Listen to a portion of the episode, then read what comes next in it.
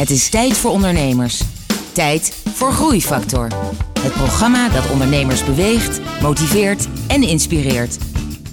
Hier is Kees de Jong, groeiondernemer en verbonden aan NL Groeit. Van 30 naar 285 man personeel in één jaar tijd. Hoe doe je dat?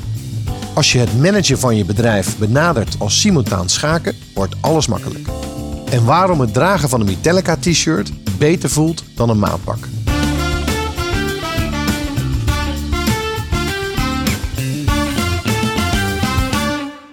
Hallo en welkom bij een nieuwe aflevering van Groeifactor. Vandaag is Dennis Kuipers uh, mijn gast van Anylink. Uh, Dennis, welkom.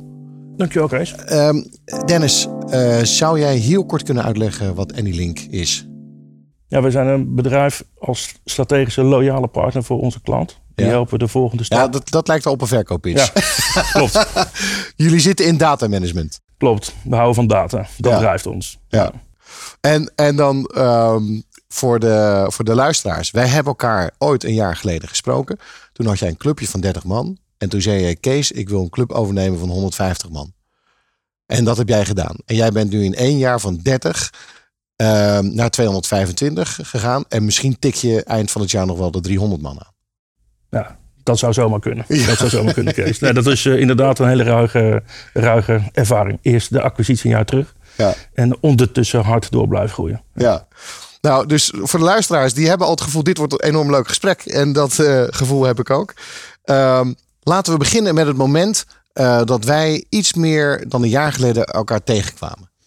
Ik was toen uh, de acquisitie aan het voorbereiden ja? met het team. En ik ga altijd op zoek vanuit coaching, mentoring. Van goh, wie kan me helpen? En toen zag ik jou op een event. Uh, Kees heeft zoveel ervaring. Die kan me helpen met welke ondernemer heeft ervaring om wat groeistuipen over ja. te slaan. En van 30 plus 150 uh, te gaan. Ja. Dus ik had gehoopt dat jij nou, ik, ik kan je daar introduceren. Ik kan met die praten, ik kan met die praten. Maar het lijstje wat je afscande in je hoofd was in ieder geval nooit uh, succesvol. Ik had, nou, ik had niemand die dat succesvol heeft gedaan. Um, en de meeste overnames die of ik zelf heb gedaan of uh, ik bij betrokken was, was altijd een grote neemt een kleine over. Ja. En nooit een kleine neemt ja. een, een grote over. Ja. Nou, dat klopt. Ja. het is ook eigenlijk wel een heel bijzonder traject. Ik hou of, zelf niet eens van verrassingen. Maar uh, ik was toch bijzonder overtuigd. Dit is wat we moeten doen. Ja, nou, ik, ik heb natuurlijk heel veel vragen. En de, ik denk de luisteraars ook. Want uh, hoe, hoe kan je dat betalen? Hoe kan je als klein clubje een grote club overnemen? En, en, en nog belangrijker, 30 man aansturen is al een klus. Ja. Maar bam, opeens naar 150 of naar 225. Dan, dan heb jij uh, 10 jaar ondernemerservaring in 12 maanden samengeperst. Ja, zo voelt dat soms ook. Zo voelt dat soms ook. Ja, je stelt twee vragen. Hè. Dus het financieren was uh, eigenlijk heel erg eenvoudig. Mm -hmm. Want vanuit ja, met name mijn eigen overtuiging is je moet alles doen als het even kan met de allerbeste mensen. Ja. En uh, ik heb gevraagd aan uh, PricewaterhouseCoopers als uh, groot accountskantoor onderzoeken jullie het bedrijf wat ik wil overnemen. Dus vanuit een bedrijf van 30 man denk je, oeh, dat kost wel heel erg veel geld. Is dat dan nodig? Ja. Uh, het helpt. En de ervaring is dat uh, ja, zij toch dingen vinden die anderen wellicht niet vinden. En dat geeft in ieder geval inzicht, wat koop je dan precies? Maar daarna, en dat was blijkbaar vreemd, heb ik ze diezelfde opdracht gegeven, maar dan over mijn eigen bedrijf. Dus ik wil nog een bedrijf kopen, Anylink. Ja. En uh, ze hebben dus hetzelfde onderzoek, hetzelfde research, hetzelfde boekonderzoek gedaan op mijn eigen bedrijf. Want uiteraard denk ik als ondernemer, ik heb natuurlijk alles wel goed gedaan, maar is natuurlijk niet waar. En dat, dat weet ik zelf ook. Um, en vervolgens weet je precies uh, hoe dat wel en niet in elkaar past en wat je zou moeten doen. Ik heb een joint business plan uh, geschreven en dat vervolgens ook due diligence op laten doen. Mhm. Van kloppen deze aannames, de marktbewegingen enzovoort enzovoort. En als je dan op zoek gaat naar financiering, dan ben ik uitgekomen bij uh, in dit geval ABN AMRO. Die vinden dat, uh, die zijn er erg enthousiast over. Ze zeggen, ja, als je dat zo goed doet en PwC tekent dat af, dat doet iets met je credibility. En, dus jij hebt gewoon bij ABN AMRO een financiering hiervoor gehaald? Ja. Ja, ja, dat is wel helemaal ja. fantastisch. Ja, er zit een deuk in de spaarpot, zeg maar. Je persoonlijk mee moeten tekenen waarschijnlijk. En je, en je, en je nee, kinderen. Nee? Nee, nee, nee, nee, Nou, misschien hebben we het er straks daar nog even over. En, en het tweede punt. Je hebt tien jaar ondernemerservaring in twaalf maanden geduwd. Kan je daar nog even een headline uh, over, uh, over aangeven? Uh, ja, zeker. We hadden een heel uitgewerkt plan hoe we dat precies zouden gaan doen. Mhm. En uh, vier weken zeg maar, na de overname hebben we eigenlijk dat plan min of meer in de prullenbak gegooid. Dat, dat afgetekende plan door PwC. Ja, ook dat. ook dat. Ja, het is, Dan zie je maar als je weer. hypotheek van je huis hebt, dan eh, is 30 jaar oké. zeg Ja. maar dat is daar ook een beetje. Ehm, omdat ja, daar zaten zulke waanzinnige goede mensen bij Ten ICT. Eh, Ten ICT is het bedrijf dat jullie hebben overgenomen. ja, ja, ja. Het is- er zoveel talent. Ik, ja, ik moet hier toch niet een plan volgen, maar gewoon mezelf zijn. Ja. Authentiek zijn en met die mensen het plan maken. Hoe gaan we integreren Ja. en doorbouwen. En eh, dat was geen, eh geen sinecure, zeg maar. Maar eh, dat was echt wel een soort van rollercoaster rit. Nee, want zeker als daar, als daar allemaal slimme mensen zitten, zoals jij zegt, Ja. dan, dan hebben die mensen zoiets van, wie ben jij dan wel? Dat jij ons gaat Ja. vertellen hoe het dan wel moet. Ja, nou, dat vertel ik dus ook niet. Ja. Ik leg wel uit wat mijn eh, visie is Ja. en hoe ik wil ondernemen. En voor hun was één ding zeker. Na de eerste gedachte, hè, zo'n klein clubje ons overnemen, hoezo dan? Eh, wisten ze één ding zeker. Eén, daar zit ondernemerschap. Mhm. En twee, ze hebben het dus wel geregeld. Ja. En als je zelf ambitieus bent en je zit ergens in een managementteam, dan ga je Ja. het heel snel zien als kans. Daar gaan we straks verder over praten. Eh, ik wil even terug naar, de, naar jouw oorsprong als ondernemer. Dus, Ja. dus, dus wa- wat deed je? Wanneer ben je ondernemer geworden? Vertel daar eens wat over. Als ik helemaal terug ga naar mijn genen, zeg maar. Mhm. ehm, dan zijn mijn ouders, de een is super eh, eh, opgegroeid met eh, geen risico's nemen, bij de overheid werken, want dan heb je een baangarantie. En de ander komt uit een hele ondernemende fam- familie waar je pas enthousiast wordt eh, onthaald als je een keer over, over de kop bent gegaan. Zeg maar. Oh, Eh, en dat zit ook in mij. Dus ik voel als ik spreek de ene kant of de andere kant. Dus ik kan die, die overwegingen maken. de ideale genenmix. Ja, dat weet ik niet. Het is ook een hele complexe mix eh, af en toe. Maar het helpt je goed balanceren in ieder geval. Ik ben, zeg maar, als ik een, een tijd terug ga, heb ik gewerkt bij Ordina. Eh, daar ben ik 2001 gestart tot 2008. Dat was toen. Wat, wat, wat, wat heb jij gestudeerd hiervoor? Of ja, ik zeg altijd eh, hoogste niveau eh, MAVO, maar dat is niet helemaal. dat heb ik wel gedaan. Ik heb daarna nog laboratoriumopleiding gedaan richting chemie en laboratorium informatica en automatisering. Ik ben niet afgemaakt.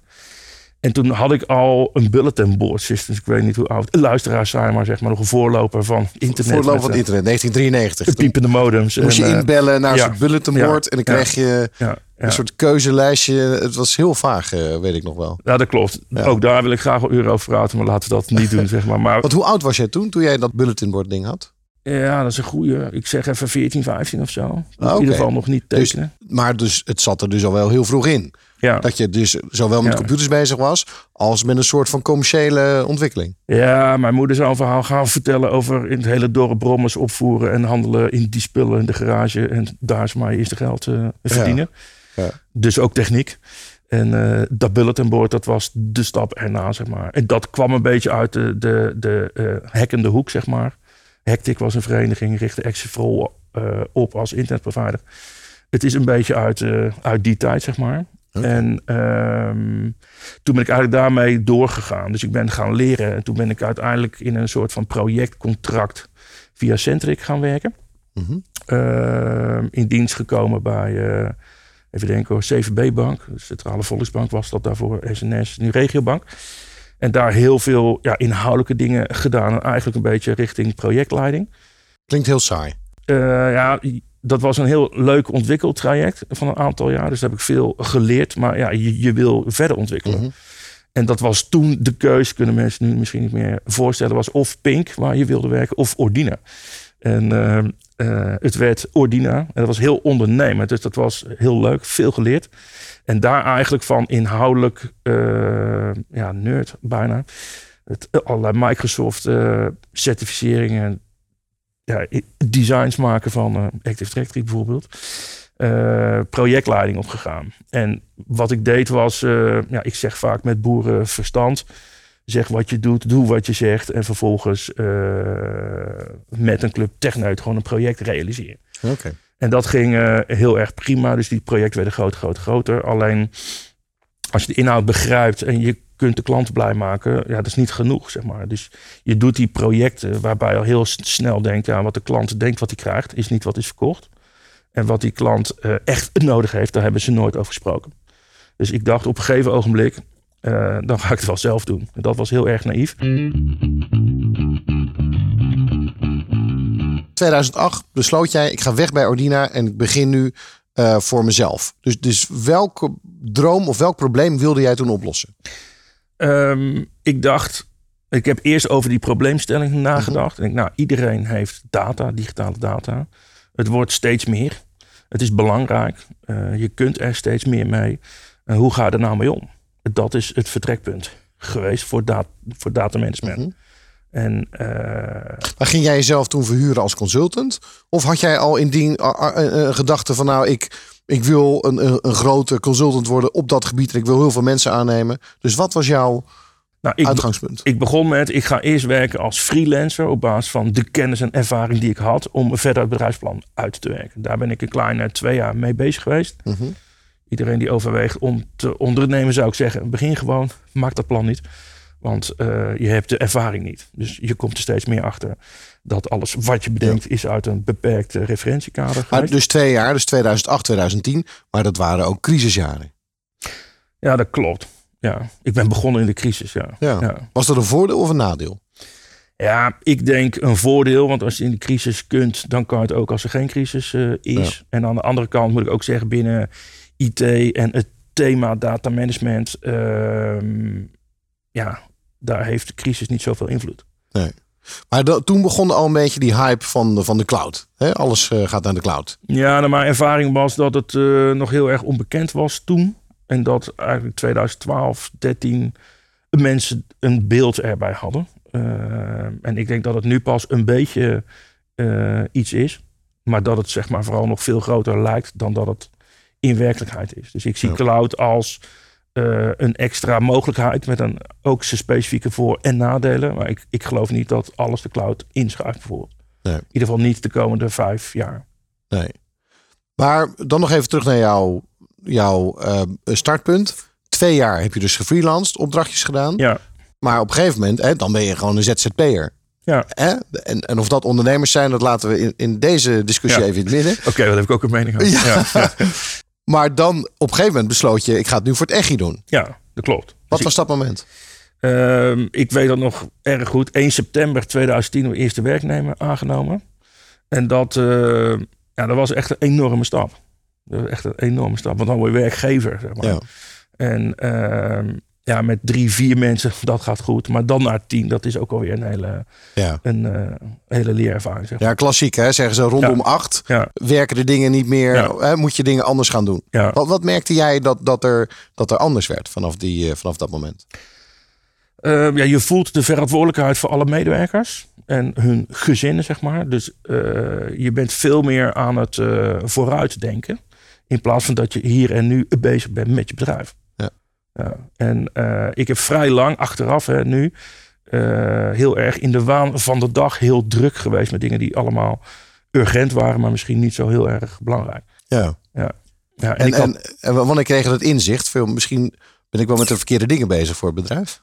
Ehm, ja, verkeerd zou ik niet zeggen, maar ik, ja, ik gok even 2013 of zo. Ik ben toen ook aan de gang gegaan met op zoek naar een mentor, coaching, begeleiding. Hoe doen anderen dat? Dus ik dacht toen echt heel, heel overtuigd. Ja, maar wat ik doe is heel anders dan de rest van de wereld.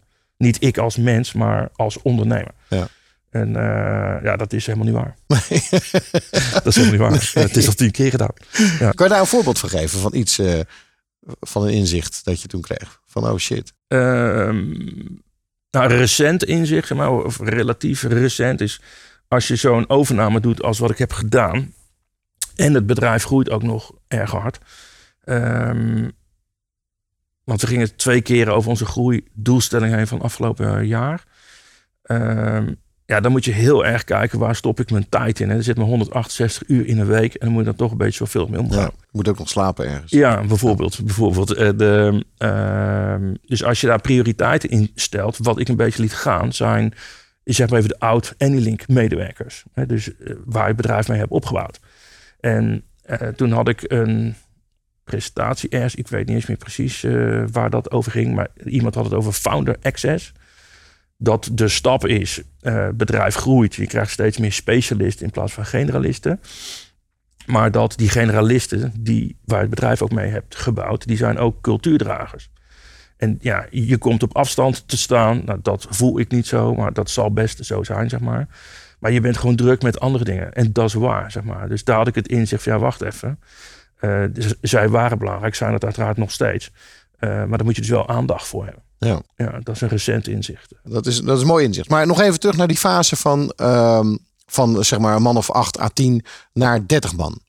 Dat heeft nog een aantal jaar geduurd. Want dat was dan in een jaar of vier daarna groeide je van 10 naar 30. Ja, ik denk dat we. Ik weet niet meer precies hoeveel medewerkers in welk jaar. Maar ik denk dat we zo'n beetje in uh, 2014 met een man of 20 waren. En 15, 16, ja, 25, 30. daar bleef een beetje hangen. En dat is eigenlijk de groeistuip dat je dingen moet gaan organiseren. Dat er mhm. processen komen. Dat je een managementlaag creëert.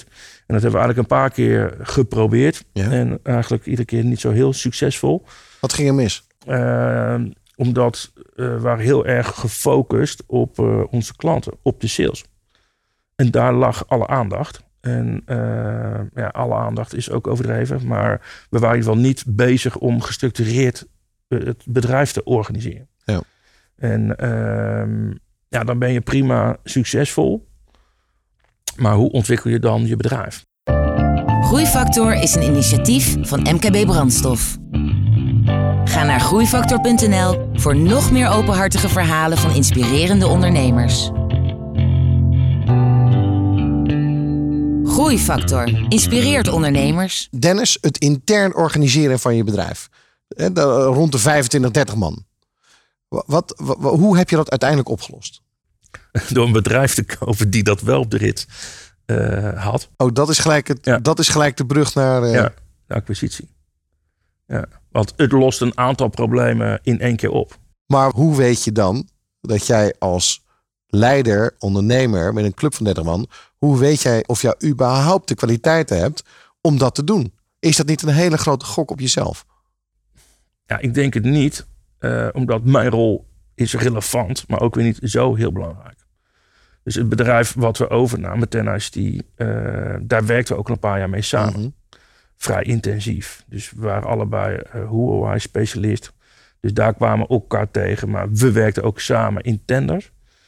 Uh, bij klanten, ook bij klanten waar het wel eens vrij goed fout gegaan is. Mm en dan leer je elkaar heel goed kennen. En die, uh, die eigenaren, die ambities lagen elders. Dus dat werd een kans.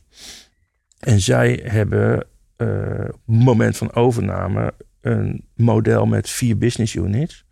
Met een managementteam en directie in die business units. En daarboven zat, zaten zij als directie. Dus dat bedrijf, die business units draaien. Dus we hebben eigenlijk het Anylink als vijfde business unit naast gezet. Dat is goed te uh, overzien. En daar was al structuurprocessen. Dus zij creëerden eigenlijk al veel meer uh, onafhankelijkheid van, van, van de ondernemer. Doordat ze managementteams hadden gezet op die business units. Ja, ja, en in dat management en die business unit directies, daar zaten mensen die daar ook al tien jaar werkten. Ja. Dus ook weten, oh ja, toen wij met 30 man waren, toen deden we het zo. Maar om deze, deze, deze reden doen we het nu anders. En die ervaring op mensen die elkaar voor, nou, in ieder geval een derde van Anylink populatie al kende. En dan uh, zie ik het niet als enorme gok en leid ik dat wel. Maar ik denk, we hebben voldoende mensen met talent die daar elkaar bij gaan helpen. Ja. En dat is ook gebeurd. Een van de dingen die ze, en dat vertelde ik jou ook toen, uh, meer dan een jaar geleden, uh, die dan die de grootste uitdaging zijn, dat, is de, dat zijn de culturen. Bij de ene, het sluit er toch in, werken ze al zeven jaar of acht jaar op deze manier. Bij de andere werken ze al tien jaar op deze manier. En, en als iets lastig dan te vermengen is, dan is het, dan is het ja, hoe dingen worden gedaan, hoe dingen zijn. De cultuur, hoe mensen met elkaar spreken. Of, of, of mensen altijd op tijd zijn op vergaderingen, of juist niet. Dat zijn kleine dingen die. Uh, wat, hoe is dat bij jou gegaan? Nou, op het moment dat we voor onszelf dachten, we gaan dit doen zag ik nou, dit is een enorme culturele overlap. En op zich in basis is dat ook zo. En het zit inderdaad in veel details, zoals jij er een paar noemt. En in de finesse daarvan, zeg maar. Mhm.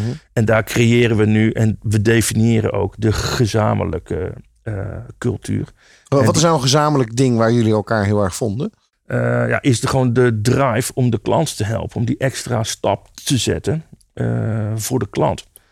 Als dat er niet in zit, ik schaar het een beetje onder mentaliteit. Dus die core values, ja, daar zit eigenlijk in basis, als je ze samenbrengt tot 5, 6, eh, heel goed eh, de overlap in. En het zit inderdaad in eh, details. Maar wie loopt eh, in pak en is het een, een toosje zalm, caviar of een bitterbal? En, En wat eh, is het bij jullie? eh, de bitterbal. De bit- en, met wel een pak of, of niet? Ja, dat wordt dus minder. Zeg maar. Ja. Omdat, eh, ik vind het zelf minder eh, relevant. Dus ik begrijp dat ik het af en toe moet. Maar ik voel me comfortabeler eh, eh, zonder. Ja. Omdat, eh, ja, wie hou je daarmee voor de gek? Zeg maar. Maakt dat mij anders. Hey, maar, dan, maar dan even over jouw eh, klein Olympisch rondje wat je afgelopen jaren hebt gedraaid. Eh, Mhm. van, eh, van 30 nu naar 225 man. En je gaat er nog eens een keer 50 of 60 aannemen dit jaar. Dus je eindigt iets onder de 300. Dat is, dat is, dat is enorm. Wat, wat vond je het moeilijkste afgelopen jaar? Ehm, ja, dat is een goede vraag. Het, ja, ik zou zeggen dat je niet altijd helemaal jezelf kunt zijn. Ehm, dus ik, ik, ja, ik, wou zeggen wil, maar ik wil gewoon zijn wie ik ben. Heel authentiek en toegankelijk. En ik deelde altijd een soort van alles met iedereen. Maar ik heb ontdekt als ik zeg, nou misschien moeten we stroopwafels gaan verkopen. Dan denken mensen, hey, dat is een opdracht. En die gaan zich verdiepen in eh, stroopwafels. Dus ik denk, oh, dan moet ik dat niet zeggen, want dat creëert onrust. Dat soort zaken hè, bij een groot bedrijf. eh, dat heb ik echt wel eh, moeten afleren, zeg maar. Terwijl ik dat wel heel graag doe. Ja. Ehm, maar ik wil nog iets meer, iets meer leren over hoe je het afgelopen jaar hebt beleefd. Want ik kan me niet voorstellen dat het, dat het zo makkelijk was. Oh nee, zeker niet. Zeker niet. Het is ehm, ja, een soort grote strategische puzzel van eh, hoe gaan we wat precies doen. Ja, met name ook toen de plan de prullenbak eh, inging. Ja, na die, eh, na die vier, vier weken. Ja, ja denk ik, oké, dat is prima dat we het op een andere route ga- gaan doen. Maar je moet Mhm. wel even uitzoeken hoe dan. Zeg maar, en achteraf is het dan relatief makkelijk terugkijken. Mhm. Maar hoe vormen we die organisatie? Hoe maken we het platter? Hoe brengen we de ondernemerschap naar beneden? Ik wil vanuit, eh, vanuit data gedreven eh, zijn, inzichten leveren. Eh, hè, dus dat is niet ter controle, maar dan kan je elkaar beter maken. Ik wil continu ontwikkelen en mensen trainen. Ja, dat zijn wel zaken die je eh, veel over puzzelt. Maar had jij daar een soort lijstje van? Dit zijn de tien dingen die ik dit jaar wil, eh, wil, wil invoeren, oplossen, doorvoeren in het bedrijf. Nee, we hebben eigenlijk het meeste waarvan bedacht dat we dat moeten doen ook gedaan. Achteraf misschien ook te veel in Mhm. een hele korte tijd. Dus we hebben wat dingen naar achteren geschoven. Die zijn we nu aan het doen. Ehm, maar ja, wat ik daarbij denk hè, is dat je dat, ja, ik doe dat dan vanuit mijn onderbouw. Hè, dat is een beetje vaag. Maar daar geloof ik wel in, zeg maar. Dus je hebt duizend en één adviseur die je wil helpen, zeg maar. Maar je moet die ervaring gewoon zelf opdoen. Er is ook geen school voor, on- voor ondernemers. Nee. En dat denk ik bij integratie en groei ook niet. Dus praat met mentoren. Hè? Want ik zie daar wel een stuk. eh, Hoe is dat met jou oplop- gegaan? Had jij, welke mentor heb jij gevonden of gezocht? En, Ja, ik heb er een teampje. En eh, daar ben ik heel veel mee aan de gang geweest. Van Ja. ervaren mensen. Eh, zoals jij. Van oké, hoe doe je dit? Eh, wat is jouw ervaring daarmee? Hoe pak je dat aan? Zowel extern als gewoon mensen in het bedrijf. Die daar ook gewoon heel lang rondlopen. Ja. Dus ik denk dat je met elkaar zo'n beetje de wijsheid in pacht en, en wat is een advies waar je wat aan hebt gehad? Ehm, een goed advies was om dingen meer te gaan zien als eh, spelletje. dat klinkt een beetje raar. Maar als je strategisch bezig bent en je hebt een vrij complexe puzzel, daar, daar kan je jezelf bij wijze van spreken ook in verliezen. En nu heb je dat opgedeeld. Mijn achtergrond is eh, ook projectmanagement in zeg maar 10, 15 schaakborden heb ik in mijn hoofd. Waar ik simultaan aan het schaken ben. En die loop ik ook één voor één af. Dus als programmamanager doe je dat feitelijk eh, ook vergelijkbaar. Mhm. En dan eh, ja, heb je een vrij grote span of control feitelijk. Waarin je dus een hele hoop kunt doen. En, en noem, eens een, eh, noem eens een paar schaakborden die in je hoofd zitten. Nou ja, we zijn nu klaar met de, de, de, ons nieuwe verhaal van hoe gaan we naar de markt. We hebben de organisatie platter gemaakt, dat was er eentje. Nu zijn we bezig met principal consultants. Dus dat zijn zeg maar de, de leidende vakbroeders waar consultants op aansluiten. Ehm, ja, en ik ben natuurlijk ook weer aan het kijken als het bedrijf doorgroeit, wat worden dan weer onze volgende stappen? En, en, en zo zie jij dat als, als 15 schaakborden die, die eigenlijk simultaan in de. Ja, ik, ik, ik herken wel zoiets Ja. van, eh, van vroeger. Niet zozeer als schaak, maar wel als, eh, als tegelijkertijd projecten die, eh waaraan je wil werken. Ja. Hey, even, even eh, terug. Dit is echt een fantastisch verhaal wat je afgelopen jaar hebt gedaan. En, zo te horen gaat het allemaal goed. Zeker als je nog zoveel dingen eh, blijft, eh, als je blijft groeien. Nou, je zit ook een enorme groeimarkt. Als je helemaal, terugkijkt naar je, naar je carrière, ondernemerscarrière. Wat zie jij dan als, als, als je moeilijkste tijd, je, of de, je, je, je, je dieptepunten en je belangrijkste dingen die je hebt moeten overwinnen? Eh, ik denk dat mijn ruigste besluit was om mijn loondienstverband op te zeggen. Dus dat blijft eh, zo.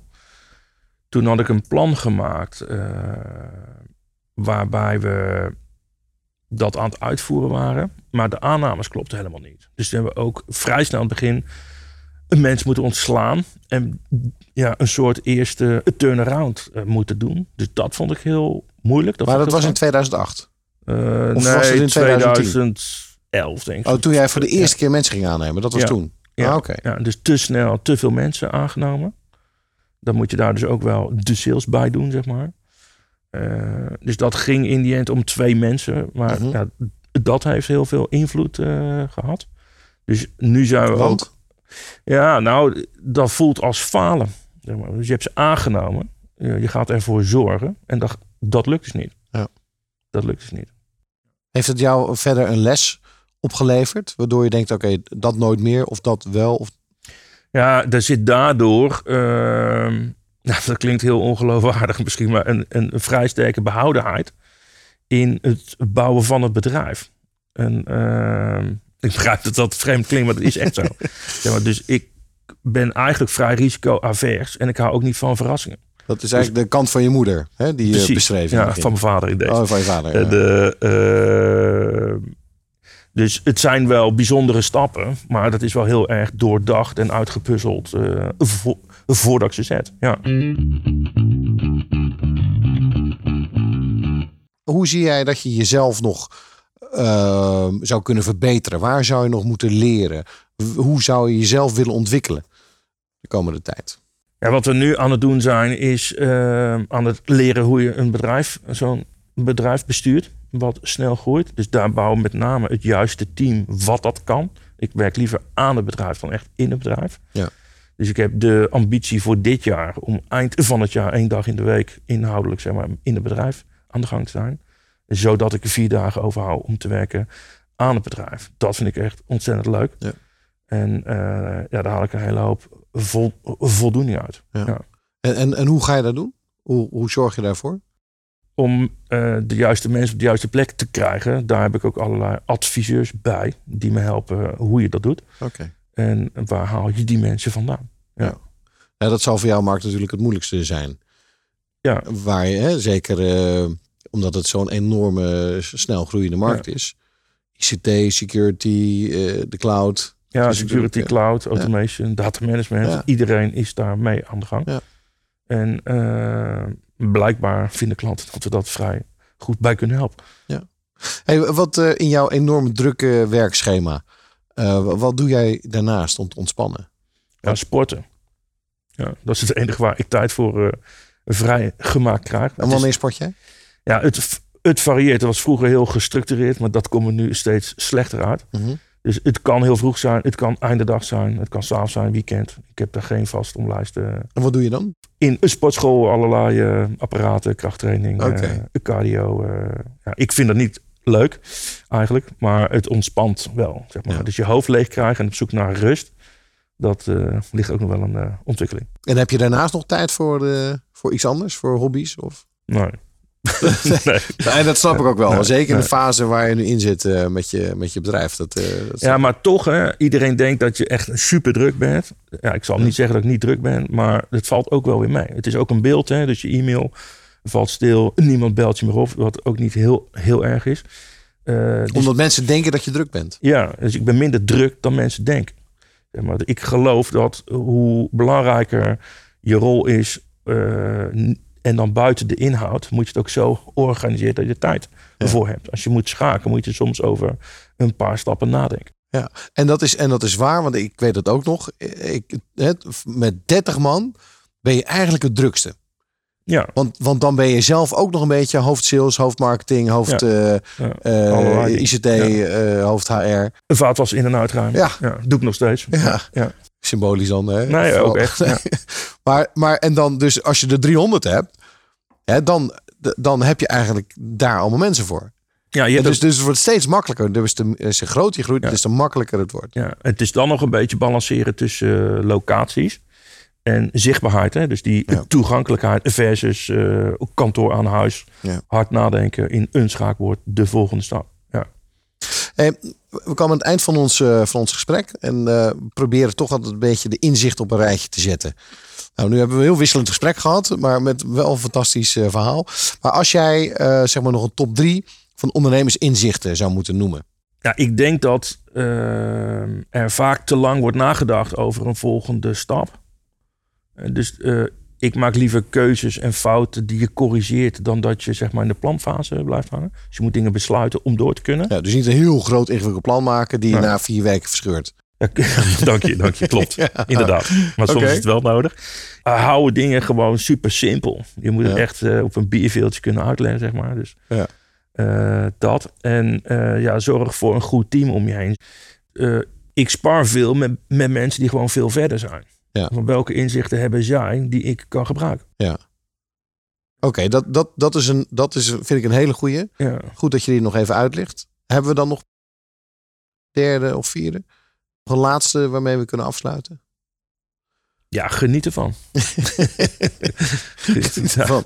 En, eh, en koop gewoon een bedrijf dat vijf keer zo groot is als jouw bedrijf. Dat is, dat is Ja, nou ja, als mensen dat willen, neem rustig contact op voor details. Maar ja, ik weet dat het niet logisch is, maar... eh, het nou, maar zoals jij het hebt verteld, klinkt het makkelijker Ja. dan dat je zou denken dat het klinkt. Ja. Dennis, ik ben onder de indruk eh, van jouw eh, verhaal en bedrijf. Met name omdat wij elkaar hebben gezien.